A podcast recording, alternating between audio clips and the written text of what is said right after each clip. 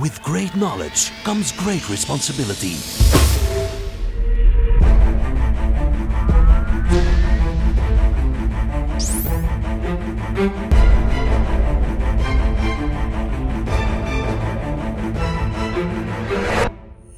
Fifty-two topics by Maarten Bové en Kevin Couvreur. Hey, hallo allemaal. Welkom terug op onze wekelijkse show van 52 Topics Explained. Ja, we zijn de vorige keer dieper ingegaan op de wereld van de metaverse, Microsoft Mesh. En we hebben deze week een expert uitgenodigd. Maarten Molly, stamhoofd van Jipe, welkom. Heel erg bedankt voor de uitnodiging, Kevin en Maarten. Uh, ja, twee, denk... twee naamgenoten. Sorry Ja. dat ik je onderbreek, Nee. maar het is wat verwarrend. Ja, zie, iedereen kijkt direct als Huh? ik Maarten zeg. Ja. verwarrend. Ja, Maarten, tof dat je erbij kan zijn. Super, ik vind het ook Eh, zelf uh, altijd, top. voilà, altijd boeiend om je hier eh, te hebben. Ehm, laten we een keer beginnen, Maarten. Wat doe jij? En ik denk dat jij zo, laten we specialist noemen op XR. Ja, oh, heel, heel tof eh, om zo genoemd te worden. Maar nee, wat dat ik eigenlijk doe, ik ben een immersive storytelling agency. En ik zorg er eigenlijk voor dat het bedrijfsverhaal of het werkproces binnen een bedrijf op de best mogelijke manier eh, vertaald wordt. En daardoor maak ik eigenlijk gebruik van XR. En XR is de verzamelnaam van augmented reality, virtual reality en mixed reality. En ja, dus drie verschillende Ja, onderdelen onder XR. Ehm, zijn er heel grote verschillen tussen bijvoorbeeld mixed en augmented en virtual reality? Of zijn die eerder subtiel? Ja, toch wel. Eh, om, het, om het heel simpel uit te leggen, augmented reality is echt met, ja, toch wel met gebruik van een smartphone of een tablet of eender wat, dat je echt wel 3D-objecten met gebruik van de camera in de werkelijke wereld plaatst. Virtual reality is, zoals het woord zelf zegt, virtueel. En je gaat echt een bril gaan aandoen en je bent volledig in een eh, nieuwe wereld. En mixed reality is letterlijk een mix van allebei. Dat je eigenlijk gebruik maakt, zoals de Microsoft HoloLens, van een bril op je hoofd te plaatsen, dat je de werkere- werkelijke wereld nog ziet, maar 3D-objecten er kunt in plaatsen. Een stukje een verrijking eigenlijk van de fysieke klopt. wereld. klopt. Ehm, heb jij gezien dat er de laatste jaren is daar een stijging geweest, zoals we met een heleboel andere technologieën hebben? Hè? Eh, we gaan het woord niet gebruiken, maar kom. Eh, zie jij daar ook een tendens in dat mensen daar meer naar grijpen eigenlijk, naar de Ja, technologie? ja, heel zwaar, heel zwaar. Er is ehm, een enorme acceleratie gebeurd door eh, twee verschillende aspecten eigenlijk. Door het visuele beestje corona natuurlijk. En ook natuurlijk dat Facebook is veranderd naar... eh, eh, moederbedrijf eigenlijk is veranderd naar eh, Meta. Dat het volledige ja, buzzword, eigenlijk het metaverse, eh, daadwerkelijk in de picture kwam. En daardoor is er, wordt er veel meer gekeken naar die technologieën. Maar opnieuw, en zoals dat Maarten zei in de vorige aflevering, een technologie is maar een technologie als er daadwerkelijk iets mee kan gedaan worden. En nu merk je wel daadwerkelijk in de bedrijfswereld dat er heel veel nieuwe aspecten en heel veel nieuwe oplossingen worden opgelost door deze technologie te gebruiken. En eh, zijn er concrete zaken die je met Jaipal hebt opgelost, Maarten? Want daar ben ik heel nieuwsgierig naar. Ja, eigenlijk. het is eh, eh, ja, heel verschillend van elkaar. Dus ik heb bijvoorbeeld voor een HBO-verpleegkundige hogeschool hadden zij het probleem, ze hadden verschillende anatomiemodellen. En door corona konden leerlingen niet meer naar het klaslokaal komen. Dus eh, wat heb ik voorzien voor die mensen? Dat was eigenlijk een volledig digitaal platform, waarin de leerlingen door gebruik te maken van augmented reality, dat is opnieuw een 3D-object plaatsen in de werkelijke wereld, konden zij eigenlijk thuis de les herhalen of leren zelf door eigenlijk het volledige anatomiemodel van een skelet of van eender wat in hun woonkamer te plaatsen en zo eigenlijk te bestuderen. Of, ik heb een andere klant gehad waarbij dat, eh, de kennisoverdracht van een senior, laten we zeggen, een senior positie dat het werkelijk al jaren in het bedrijf zit, om de kennisoverdracht eh, soepeler te laten verlopen naar een nieuwkomer binnen het bedrijf. Door gebruik... Ah, Ja. zeg maar hoor. Nee.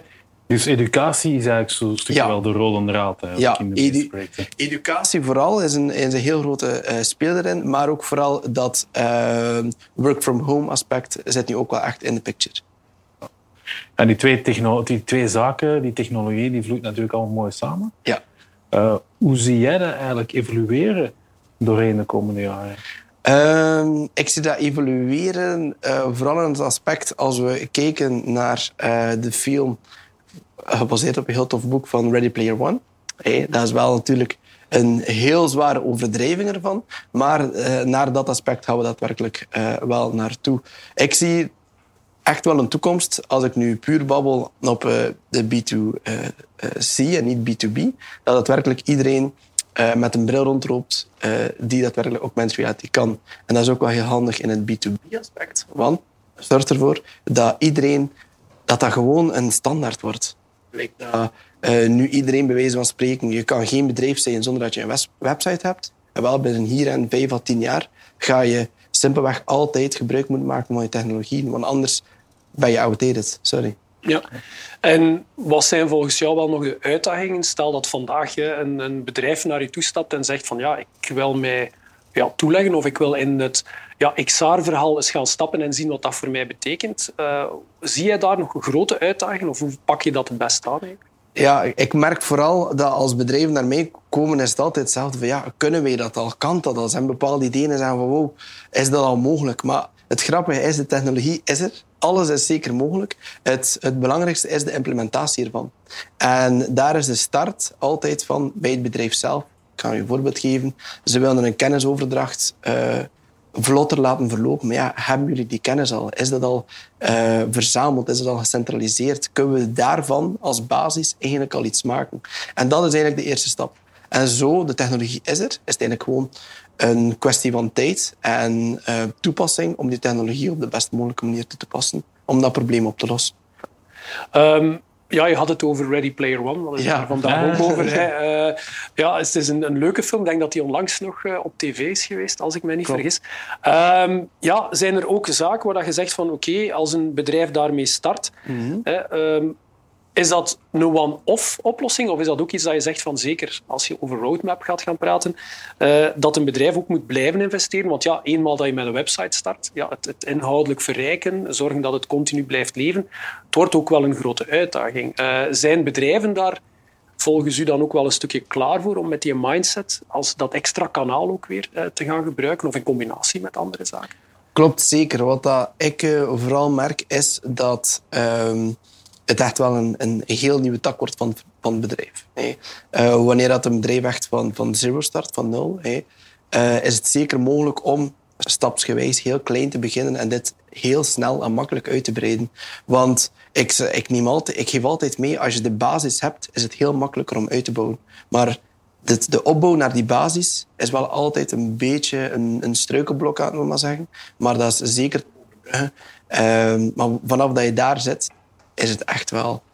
eh, ik ga het zeggen in het West-Vlaams koekenbak. eh, voor, voor verder te geraken. Ja, ja, ja.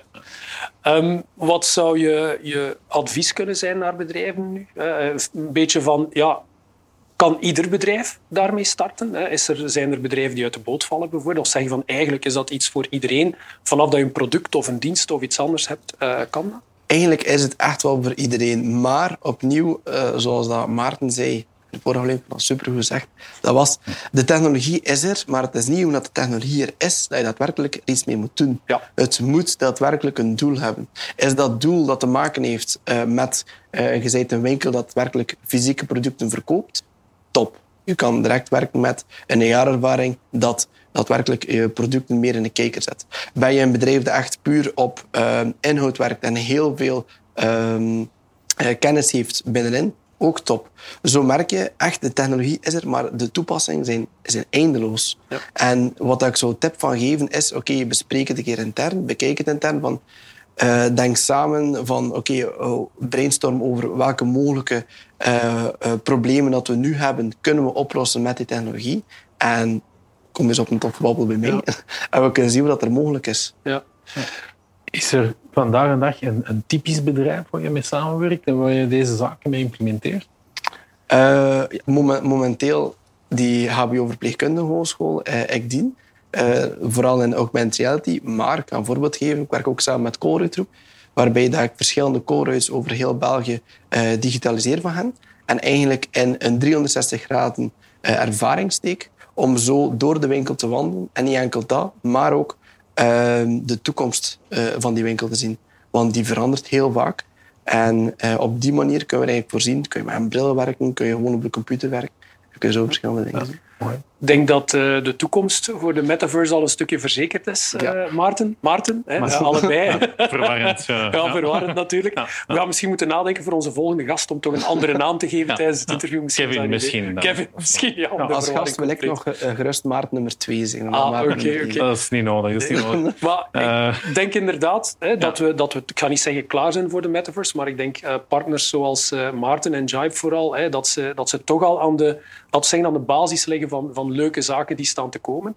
Ja, um, ik zou zeggen, ja, inderdaad, het advies van Maarten. Uh, ga of start zeker een gesprek, uh, babbel er eens over om te zien wat het kan betekenen voor jullie. Um, ja, wat rest er ons nog, uh, Maarten? Wel, wat rest er ons nog is... we gaan natuurlijk altijd verder de technologie blijven opvolgen. Maarten legt ook de fundering eigenlijk van, van zaken zoals digital twins, van, van bedrijven, van, van factories of the future. Um, dus het is een technologie die, we, die vaak nog gaat terugkomen, volgens mij in 52 Topics Explained. En die, we, ja, die jullie ook thuis gewoon moeten blijven volgen. Ja, zeker en vast. En op deze noot, Maarten, Molly, uh, stamhoofd van Jive, uh, vriendelijk bedankt om aanwezig te zijn. Hopelijk zien we elkaar binnenkort nog eens voor uh, wat leuke zaken samen te doen. En jullie ook, alvast bedankt. En tot binnenkort voor de volgende topic.